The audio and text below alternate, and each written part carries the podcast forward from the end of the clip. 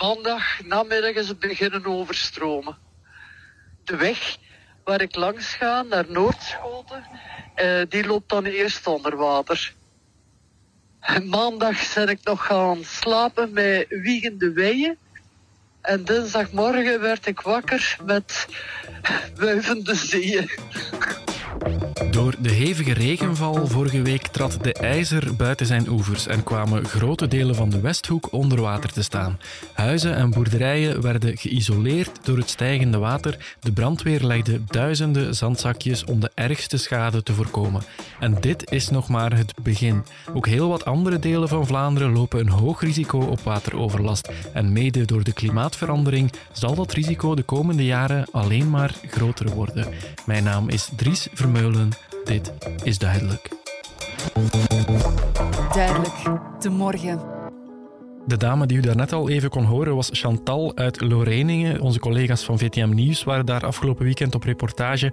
Het huis van Chantal was volledig omgeven door een slotgracht van water. De journalist van VTM kon haar zien staan over het water, maar moest via de telefoon met haar praten. Ik ben net aan het kijken, het is nog gestegen. Ja, het water komt nu tot hier, tot aan het boordje van het paadje. Dat is de eerste keer dat ik dat meemaak. Je kunt er nog mee lachen. Ah, maar ja, je kunt er moeilijk mee wenen, hè? dat helpt ook niet.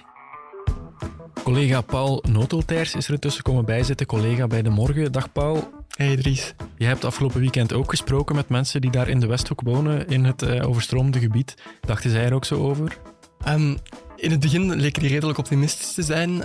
Ze woonden wel degelijk in een overstromingsgevoelig gebied, dus ze waren er zich van bewust dat er op een bepaald moment nattigheid van kon komen. Ja. Um, maar ik denk dat er niemand van die mensen kon inschatten hoe snel het fout zou lopen. Ik sprak met een man die in een huurhuis woonde en die huurbaas had op een bepaald moment wel degelijk verteld toen hij daar kwam wonen van kijk, um, het durft hier al wel een keer nat te worden, maar die man wist niet dat het zo snel de spuigaat dan uit zou lopen. Die werd op een bepaald moment wakker en dan was zijn hele huis omsingeld door water. En dat is eigenlijk door de dagen heen alleen maar erger geworden. Op een bepaald moment kwam het water letterlijk langs zijn vloer naar boven. Hij had op dat moment natuurlijk al wel alle meubels en zo naar boven gezet. Maar dan werd dan toch gevaarlijk, ook met elektriciteit en zo, om daar te blijven. En Mhm. dan is hij geëvacueerd door de brandweer. Um, maar in de buurt van zijn woning stond het water op dat moment wel al 90 centimeter hoog. En hoe komt het nu dat de Westhoek plots helemaal onder water komt te staan? Het, het heeft veel geregend. Is het zo eenvoudig? Ja, we hebben sowieso die storm Kieran gehad, die de, het waterpeil enorm de hoogte in heeft geduwd. En sindsdien is het eigenlijk blijven regenen. Um, maar tegelijkertijd is er ook vanuit Noord-Frankrijk uh, heel veel water naar hier gestroomd. En dat is ook allemaal in die waterlopen terechtgekomen. En dat heeft onder andere de IJzer en de Leien uit hun oevers doen treden op verschillende plekken. Ja, het regent natuurlijk wel vaker heel erg veel in november. Is dat dan nu zoveel meer geweest dan anders? Ja, het is wel veel meer regen dan we normaal gezien zien. Um, en in de Westhoek en in de, aan de kust is het sowieso het geval dat je daar vaker met kustconvergentie te maken hebt. Dus dan is de temperatuur van het water nog behoorlijk warm van de zomer en daar komt dan de koude lucht over en dat kan voor, uh, voor hevige regenval zorgen. Mm -hmm. Nu, heel uitzonderlijk kan je dit eigenlijk niet noemen, omdat het uh, onder meer in 2016 en in uh, 2021 even sterk geregend heeft in West-Vlaanderen en dat je daar ook die ondergelopen vlaktes zag. Um, maar het is wel degelijk zo dat we dit soort situaties veel vaker gaan zien. Um, dat diezelfde hoeveelheid neerslag eigenlijk op een veel kortere periode valt. Um, en dat, dat heeft met de klimaatverandering te maken. Dus dit, wat we nu zien, komt de komende jaren wellicht vaker voor? Ja, absoluut. We gaan die overstromingen veel vaker meemaken. Ik ben uh, Patrick Willems, ik ben uh, hoogleraar aan de KU Leuven. Ik hou me bezig met het waterbeheer. Hè. Uh, zowel te veel water als te weinig water, hè. overstromingen, droogte, ook impact klimaatverandering en uiteraard de oplossingen, hè. de klimaatadaptatieoplossingen. Patrick Willems bestudeert al zijn hele volwassen leven water en alles wat daarmee misloopt in Vlaanderen. Dat gebeurt namelijk niet alleen in het stukje waar we het nu over hebben. Liefst een half miljoen Vlamingen woont in overstromingsgebied, vaak zelfs zonder het te weten. 67.000 mensen wonen op een plek met een heel hoog risico op wateroverlast. Bij de overstroming van afgelopen weekend in de Westhoek stelt Patrick Willems vast dat het vaker gebeurt dan vroeger en dat er ook steeds grotere stukken land onder water komen te staan. Dat heeft te maken met het feit dat het allemaal wat extremer gaat. Dus zowel de klimaatevolutie zorgt eigenlijk voor meer intense regenval, waardoor dat we toch wel ook nu al zien dat er op korte tijd soms meer water uit de lucht valt dan vroeger. En er is ook nog een andere factor die speelt, dat is het landgebruik. De wijze waarop dat we het hele land hebben ingericht en het, ook het afwateringssysteem hebben ingericht. En zeker in deze regio, uh, Noord-Frankrijk, is een heel landbouwintensieve streek. Dus dat mhm. betekent dat je daar ook heel veel drainage hebt uh, om die landbouwactiviteiten mogelijk te maken. Maar dat zorgt er ook voor dat als het dan uh, hard regent, dat die regen ook heel snel massaal naar beneden loopt, uh, naar die riviervallei, naar die ijzer loopt. Uh, maar ook langs de Vlaamse stroomgebieden heb je eigenlijk ook vrij veel landbouwintensieve gebieden die ook zorgen voor heel veel afstroom. Dus, we leiden water eigenlijk te efficiënt weg. Ja, we leiden het inderdaad te snel weg. En daardoor zijn we kwetsbaarder voor overstromingen, maar ook kwetsbaarder voor droogte. Dus die twee uh, fenomenen zijn eigenlijk heel sterk aan elkaar gelinkt. Ja, hoe dan precies? Kunt u dat eens even kort uitleggen?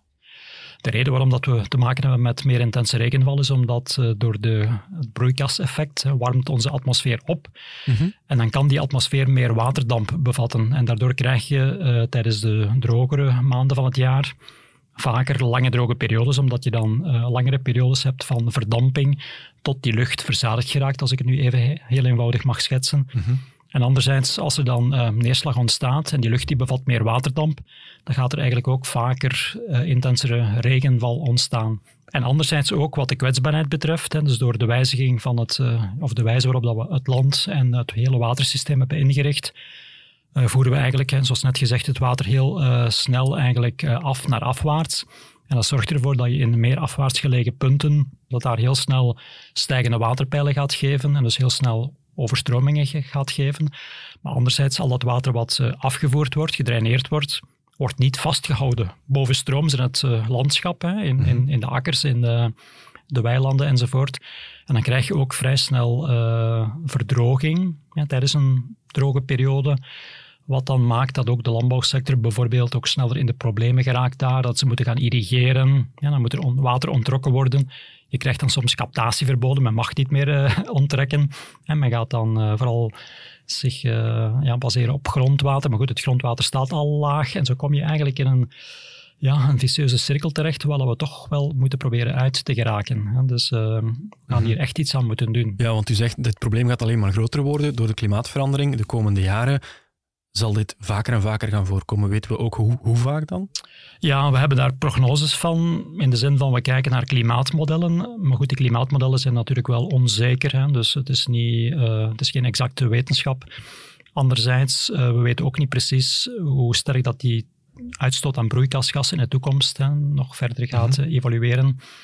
Uh, maar de prognose is van in een optimistisch scenario zou het een factor 5 toename zijn tussen, laten we zeggen, een historisch oud klimaat, als ik het zo mag noemen. Dat wil zeggen het klimaat van een twintigtal jaar geleden. En het einde van de eeuw. Dus van twintig jaar geleden tot het einde van deze eeuw, dus tot 2100. In een optimistisch scenario uh, vijf keer zo vaak. In een pessimistisch scenario zou dat tien keer zo vaak kunnen, uh, kunnen zijn. Dus dat betekent dat iets wat zich vroeger maar eens om de 50 jaar voordeed, tien keer zo vaak betekent dat het tegen het einde van de eeuw alle vijf jaar zou kunnen gebeuren. Ja. Of iets wat zich vroeger maar eens om de twintig jaar voordeed, tegen het einde van de eeuw uh, eens om de twee jaar. En die tendens is eigenlijk al ingezet. En die gaan we sowieso de komende tientallen jaren nog verder zien, uh, zien toenemen. Mm um, ja, u zei al, wat nu in West-Vlaanderen gebeurt, is nu daar gebeurd, maar kan op heel veel andere plekken in Vlaanderen ook voorkomen. Er zijn nog risicogebieden. Over welke gebieden hebben we het dan? Er zijn er veel, hè? Ja, er zijn er veel. Eh, ik heb ze nooit geteld, maar mijn uh, inschatting is dat het om een paar honderd uh, locaties gaat, of alleszins toch meerdere tientallen locaties. Op een klein lapje grond als Vlaanderen is dat heel erg veel, hè? Dat is inderdaad heel veel, dat klopt. we zijn eigenlijk wel vrij kwetsbaar.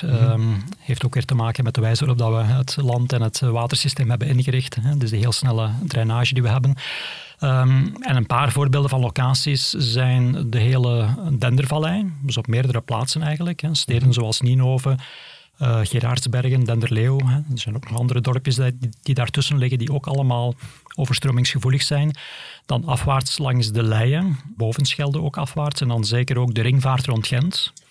En dan heb je nog een andere uh, locatie, of een ander voorbeeld van locatie, uh, langs de Demer, eigenlijk op meerdere plaatsen. De streek van Diest is heel overstromingsgevoelig, ook verder afwaarts uh, Aarschot. Maar ook opwaarts hè, heb je zijbeken van de uh, Demer, zoals de Geten, de Herk. En denk maar aan dorpjes zoals Halen of, of, steden zoals Herk de Stad of Alken. Dat zijn eigenlijk allemaal gebieden die heel overstromingsgevoelig zijn. En zo kunnen we eigenlijk nog doorgaan met vele tientallen voorbeelden. Mm -hmm. Maar degene die ik net nu heb gegeven, dat zijn eigenlijk, ja, ze zitten eigenlijk bij de, de risicopunten?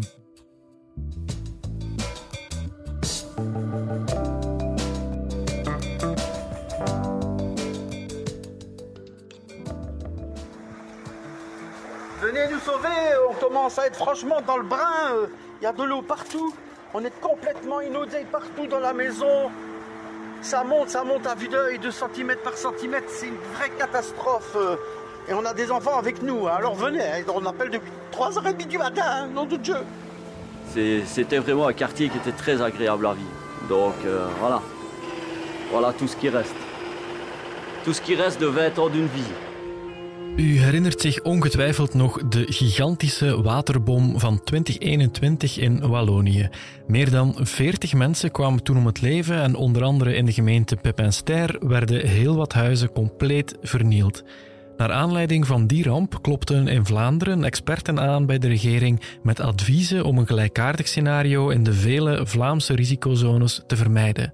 Want hoe je dat doet, dat weten we eigenlijk. Hou het water langer vast in stroomopwaartse gebieden, zodat het de tijd krijgt om in de grond te trekken en geef de natuurlijke bufferzones rondom rivieren terug aan de natuur, zodat die rivieren de kans krijgen om gecontroleerd te overstromen. Want net die zones zijn in het verleden al te vaak verhard en volgebouwd. We hebben natuurlijk die, die uh, ja, hoogrisicogebieden in, in, in kaart. We weten waar die gelokaliseerd zijn. En het is al een tijdje zo dat in het kader van uh, de Vlaamse watertoets noemt dat, uh, men afraadt om nog te bouwen in gebieden die zeer overstromingsgevoelig zijn. En dat moeten we zeker in de toekomst zo proberen vol te houden. Uiteraard is het finaal aan het lokale bestuur, de stad of de gemeente, om de bouwvergunning af te leveren. Maar goed, ik denk dat de meesten het ondertussen wel begrepen hebben dat dat echt niet meer kan gebeuren in deze tijd. Mm -hmm. Maar goed, ja, er zijn natuurlijk ook heel veel zones waar uh, er in het verleden wel een toelating is geweest. Ja, dat zijn zones, uh, als dat over een paar geïsoleerde woningen gaat, zou je eventueel kunnen overwegen om die weg te nemen, hè, om die uh, te verhuizen, plantschade eventueel uit te betalen ter compensatie. Mm -hmm. En natuurlijk, ja, als dat niet maar een paar geïsoleerde woningen zijn, en dat is echt een, een ganse wijk die daar aangelegd is, ja, je kan die wijk niet gaan verplaatsen. Hè. Dus dat maakt dat je eigenlijk ervoor moet gaan zorgen dat je daar dan de overstromingsrisico's gaat uh, beperken. Kunnen we eigenlijk ergens zelf checken of onze woning zich in zo'n overstromingsgebied bevindt en of, ja, of hoeveel risico we lopen om vroeg of laat natte voeten te krijgen? Wel, op uh, de website waterinfo.be, uh, daar vind je eigenlijk de kaarten met de overstromingsgevoelige gebieden. Mm -hmm. Je kan daar inzoomen op je eigen perceel, je eigen huis.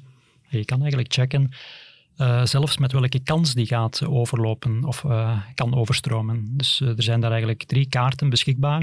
Eentje voor een kleine kans op voorkomen, eentje voor een middelgrote kans en eentje voor een grote kans. Grote kans betekent een kans van 1 op 10 in een willekeurig jaar. Mm -hmm. Dus dat betekent als het klimaat niet zou veranderen, betekent dat dat het gemiddeld eens om de 10 jaar zou gebeuren. Gemiddeld, hè, want dat is een gemiddelde.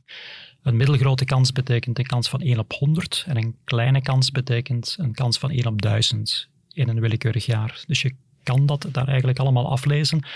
En je kan het zelfs bekijken na klimaatscenario's. Dus die zijn daar uh, gegeven voor het huidige klimaat en voor een hoog impact klimaatscenario, wat eigenlijk een soort pessimistisch klimaatscenario is. Ja. Dus de werkelijkheid in de toekomst, hè, de mm -hmm. komende tientallen jaren tot het einde van de eeuw, zal ergens liggen tussen dat huidige klimaat en dat pessimistisch hoog impact klimaatscenario. Dus je kan eigenlijk zien in welke richting het ook nog evolueert.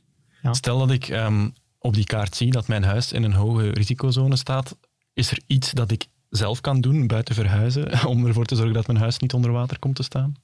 Ja, wel, um, als het uh, echt een, een, gebied is waar je toch wel regelmatig met wateroverlast te maken hebt, dan uh, ga je natuurlijk best wel is even overwegen, kan je niet bijvoorbeeld beschermingsmaatregelen nemen, zoals ik daar straks zei. Hè, je hebt nu ook al systemen zoals waterdichte deuren, mm -hmm. uh, bijvoorbeeld, waarbij dat er een sensor wordt geplaatst hè, op, het, op de straat. Als die sensor waterdruk meet, dat dan automatisch een schot of een deur eigenlijk, hè, een waterdichte deur, dat die automatisch dicht gaat. Dat klinkt ook wel duur. En dat je op, maar het is zeer duur inderdaad. Maar goed, dat is dan voor die plaatsen waar mensen regelmatig te maken hebben met wateroverlast. Mhm. De mensen die ehm, dit soort maatregelen moeten nemen, die hebben vaak al wel een paar keer met wateroverlast te maken gehad. Die weten wel hè, dat ze dit soort risico's hebben. En die gaan dan vaak al op voorhand, als, eh, als er heel veel regen wordt voorspeld, al een keer hun meubelen eh, wat hoger zetten om, om schade te vermijden in de woning. Maar goed, als u zegt, hè, de, het risico op wateroverlast zal alleen maar groter worden in de komende jaren. Dan zullen ook mensen die het nog nooit hebben meegemaakt, het in de toekomst misschien ook meemaken. Dat is zo, ja, klopt inderdaad. Zijn er nog andere dingen die we op particulier niveau dan kunnen doen om wateroverlast eventueel te helpen beperken? Ik denk maar aan bijvoorbeeld een verharde voortuin vervangen door een stukje groen. Ja, en daarmee ga je natuurlijk de eh, overstromingsrisico's eh, helpen beperken. Hè. Dat is inderdaad ook een, Mhm. eh, een, een essentiële, omdat ja, al het regenwater wat in een riolering inloopt, hè, ehm, ja, we weten ook in Vlaanderen, we hebben een heel hoge verhardingsgraad. Hè. 16% van ons eh, Vlaamse oppervlak is geasfalteerd of betoneerd of beklinkerd. En dus op de laatste 40 jaar is er eigenlijk drie keer zoveel verharding bijgekomen. Op 40 jaar tijd drie keer zoveel. Hè. Dat is echt enorm. En dat zorgt eigenlijk voor heel veel afstroom, ehm, wat inderdaad die, die kans op wateroverlast zeker in de bebouwde omgeving heel sterk heeft doen toenemen. En dus inderdaad, een burger kan daar een belangrijke impact eh, op hebben door inderdaad rond woning niet te veel verharding aan te leggen. Hè, de verharding te beperken tot datgene wat echt nodig is, hè, naar de, voor, eh, de voordeur bijvoorbeeld, of eh, naar de garage beperkt, eventueel inderdaad met kiezels gaan werken. Ehm, en dan vooral veel groen in de tuin, omdat groen zorgt ervoor dat je water hè, vasthoudt, dat het eh, ook infiltreert, hè, dat het dat grondwater aanvult en dus niet afloopt naar de straat, naar, naar de riolering. Maar ook wel een regenwaterput. Dus als we allemaal Ja. een regenwaterput installeren, een regenwaterput stockeert eigenlijk ook regenwater. Ongeveer de helft van al het eh, leidingwater wat op dit ogenblik verbruikt wordt door alle burgers samen in Vlaanderen, de helft daarvan zou eigenlijk door regenwater kunnen vervangen worden. ja, kijk eens aan. Dus een burger verbruikt gemiddeld in Vlaanderen 100 liter leidingwater per dag. Eh 30 liter daarvan gaat naar toiletspoeling. Mhm. Een 15 à 20 gaat naar de wasmachine. Nog eh, 5 à 10 gaat naar de tuin. Dus als je dat allemaal optelt, hè, dus voor toiletspoeling, wasmachine, in de tuin kan je perfect regenwater gebruiken. Mhm. Dus als we met z'n allen, hè, iedereen in Vlaanderen, een regenwaterput zouden hebben en dat regenwater ook gebruiken voor minstens deze drie toepassingen, ja, dan kunnen we eigenlijk het leidingwaterverbruik in Vlaanderen gaan halveren.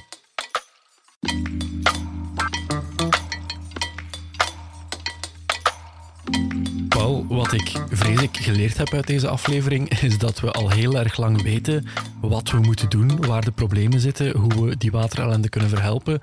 Dat de overheid het ook al heel erg lang weet, al genoeg is geadviseerd door allerlei experts, maar dat het gewoon niet gebeurt. Ja, het gebeurt wel degelijk, maar ik denk dat het momenteel allemaal nogal embryonaal is. Dat het niet snel genoeg gaat. Terwijl dat we die tijd misschien niet helemaal hebben. En wat ik ook heb geleerd is dat ehm, de droogte en de wateroverlast eigenlijk twee kanten van dezelfde medaille zijn en dezelfde oorzaken en dus ook dezelfde oplossingen hebben. In 2020 lanceerde de Vlaamse overheid de Blue Deal. Dat was een plan tegen de droogte, waar dus eigenlijk al heel veel van die dingen in stonden die Patrick Willems nu net heeft gezegd, die we ook moeten doen om overstromingen te vermijden. Kan je eens even uitleggen wat die Blue Deal precies was? Ja, dat is eigenlijk een plan dat, eh, dat iets moet doen aan de waterschaarste en de droogte in Vlaanderen. Ehm, er zijn er verschillende grote acties en projecten bij opgezet. Ehm, onder andere om naar minder verharding te gaan, bijvoorbeeld. Maar ook om de, om de wetlands, dat is zo de, de natuurlijke buffer die er normaal gezien is bij rivieren, om die zoveel mogelijk te herstellen, omdat Ja. die wel degelijk water kan opslaan. En daar zijn wel degelijk stappen in gezet, maar ik denk dat, dat het voorlopig allemaal vrij embryonaal blijft. Ehm, dus dat de intentie van dat plan wel degelijk goed zit, omdat we weten we moeten naar minder verharding gaan. We moeten naar manieren gaan om ervoor te zorgen dat we water op het moment dat het valt, dat we het beter ophangen, opvangen. Maar dat het voorlopig nog niet genoeg en niet snel genoeg gaat. Ehm, terwijl dat tijd een luxe is die we ons in tijden van klimaatverandering steeds minder kunnen permitteren. Ja, want ondertussen staan ze in de Westhoek met hun voeten in het water. Hè. Eh, het is nu woensdag wanneer we dit gesprek opnemen en ik lees net dat het opnieuw zal beginnen te regenen en de kans op overstromingen dus weer zal stijgen. Ja, ze zijn er behoorlijk pessimistisch. Ehm, de afgelopen dagen is het eigenlijk blijven regenen en de plaatsvervangend gouverneur heeft vandaag, eh, woensdag, ook gezegd, kijk, we hebben het te rooskleurig ingeschat. We dachten dat het zou stoppen met regenen. Ehm, dus woensdagnamiddag, vandaag gaat ook de, gaat ook de crisis heel samen zitten in Diksmuiden om te beslissen van ja, ze hebben alle pompen wel op een goede manier aan het inzetten. Wat kunnen we nog doen? En ze hebben ook al verteld van ja, we, kijk, we moeten ons voorbereiden op de, op de meest pessimistische scenario's. Nakijken van ja, kijk, als het effectief de spuigaten uitloopt, um, ja, welke gebieden moeten we dan prioritair beschermen? Ja, en de mensen van wie het huis de voorbije dagen onder water is gelopen, hoe staan zij ervoor? Dat veroorzaakt wel echt heel erg veel schade. Ik neem aan dat zij niet snel naar hun huis zullen kunnen terugkeren. Ik denk dat, dat, ik denk dat het er een klein beetje van afhangt hoe ernstig de schade aan het huis is. Natuurlijk, als het huis was bij de man die ik voor mijn reportage gesproken heb, als het water effectief langs uw vloer naar boven trekt, dan is uw parket nat, uw muren, en dan is het niet zo makkelijk om dat meteen te laten drogen. Zeker omdat we in een koude, natte periode zitten. Je kan niet zomaar even al je ramen opengooien en dan hopen dat het uitdroogt. Mhm. Dus ik denk dat die mensen, als de schade te ernstig is, sowieso voor een ja, langere periode niet in hun huis gaan kunnen. En in de tussentijd een zo sterk mogelijk dossier voor de verzekering gaan moeten samenstellen. Ja, en intussen wordt er alweer nieuwe regen voorspeld, dus laten we hopen voor hen dat het meevalt. Ja, inderdaad. Oké, Paul Noteltijs, dankjewel. Graag gedaan. Ik bedank ook hydroloog Patrick Willems van de KU Leuven voor zijn bijdrage. En u, beste luisteraar, bedank ik ook weer om erbij te zijn. Volgende week donderdag zijn we er opnieuw met een heel nieuw onderwerp. In de tussentijd kunt u ons altijd bereiken via podcasts.demorgen.be. Bedankt voor het luisteren en graag tot volgende week. Dit was duidelijk. Duidelijk, de morgen.